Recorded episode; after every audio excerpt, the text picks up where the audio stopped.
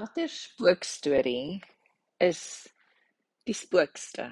Hm, ek dink dis wat ek gaan doen. So nou op 'n koue Saterdagmiddag net om 'n bietjie te ontspan, het ek bietjie weer gekyk na Afrikaanse spookstories en ehm um, 'n paar afgekom.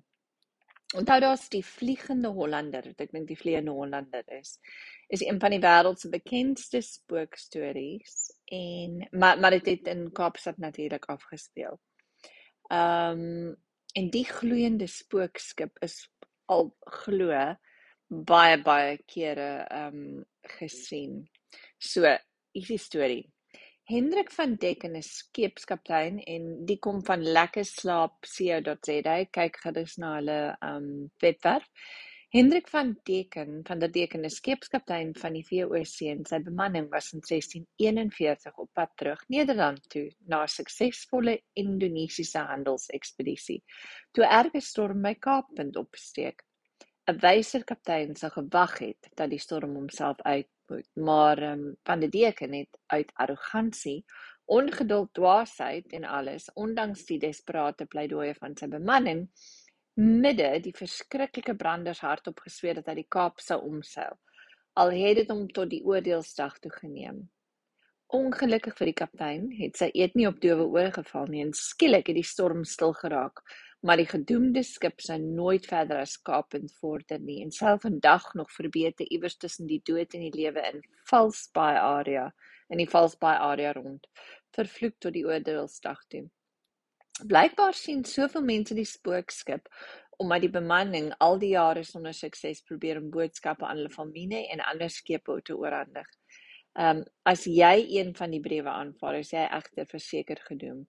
So seil die Vliegende Hollander vandag nog verbeter rondom Kaappunt. Sy seile altyd spoogagtig gebol soos 'n skip midde 'n storm al is dit windstil in die Kaap.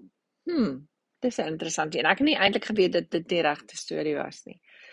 Nou die ander een, daar's 'n storie oor die kasteel ook in die Kaap. So die die storie se naam is die Kasteel de Goede Hoop.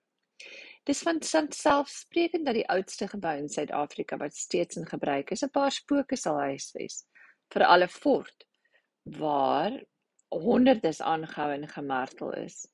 'n besoek aan die donker gat en ek het dit al gedoen. Dit is baie angswekkend. Waar 'n paar gevangenes in stikdonkerte en koue moes sit terwyl die branders woes teen die kasteelmure breek.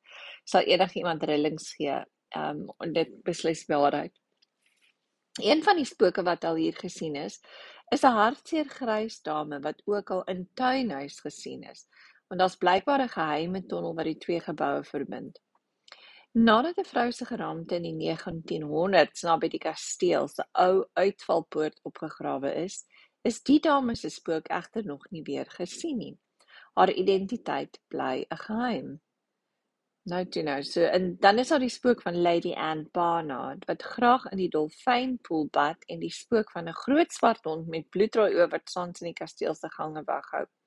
Die ka bekendste kasteelspook is egter die van gouverneur Pieter Gysbert van Noot, 'n wrede man wat bekend was vir sy mishandeling van slawe en soldate.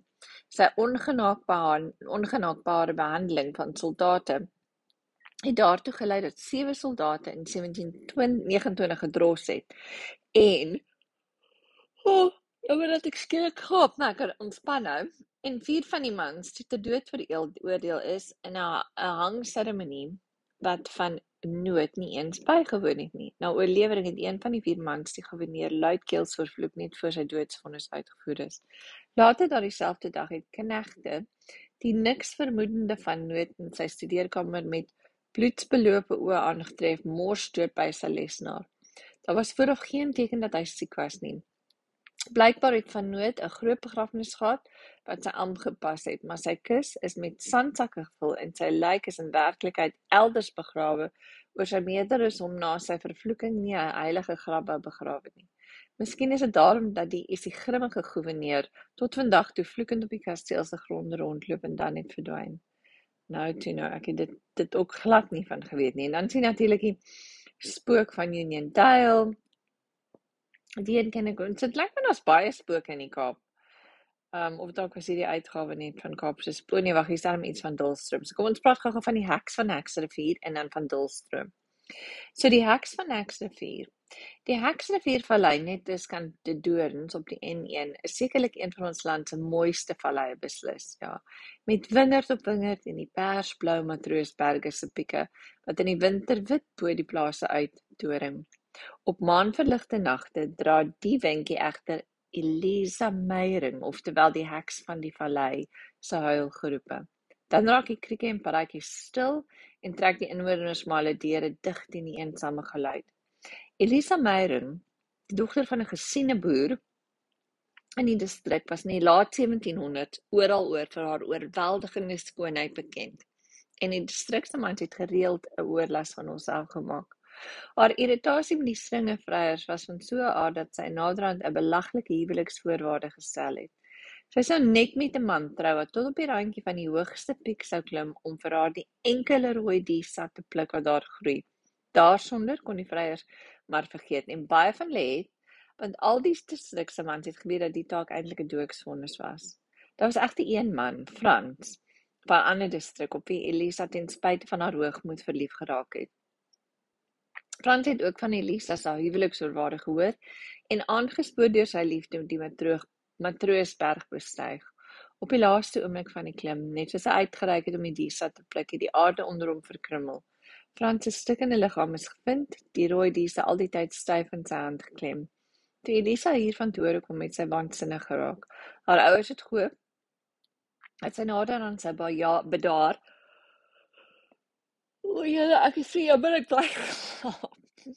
maar die jong vrou se berou was so groot en haar hart so gebreek dat haar in 'n kamertjie bo in die huis moet toesluit waar, kenmerkend van sielsiekes, haar skoonheid naderhand in versonke oë en wange, bleek gelaat en vuil verslonste hare verander het. Een aand het sy haar kamervenster oopgekry en was op pad na die berge toe, toe haar nagrok vashak en sy haar nek op die stene onder die venster breek.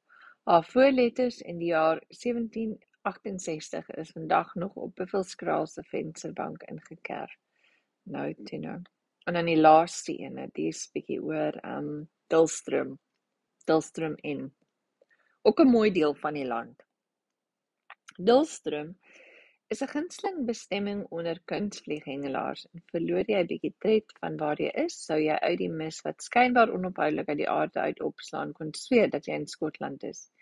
Die platteland rondom die dorp is eintlik heel spookagtig, maar blykbaar is Dulstrom se bekendste spook nie langs sy mere of in die mis te vind nie, nee. Dit is eerder in die dorpshotel, die Dullstream, Dullstrom Inn, waar hulle wag. Die Dullstrom Inn was al 'n rusplek vir menige moerreisigers, maar dit is ook die gekose wagplek van die dorp se bekendste spooke. Toe o, meer as een. 'n Vrou genaamd Magda, wat al deur verbygangers in die dorpshotel se venster gewaar is en haar geliefde Susan Lali, Tydens die Anglo-Boereoorlog is Lali, 'n jong Britse sergeant, in 'n veldslag beseer. Magda, die jong Afrikaanse dogter van 'n plaaslike gesin, het in die sergeant se sorg gestaan.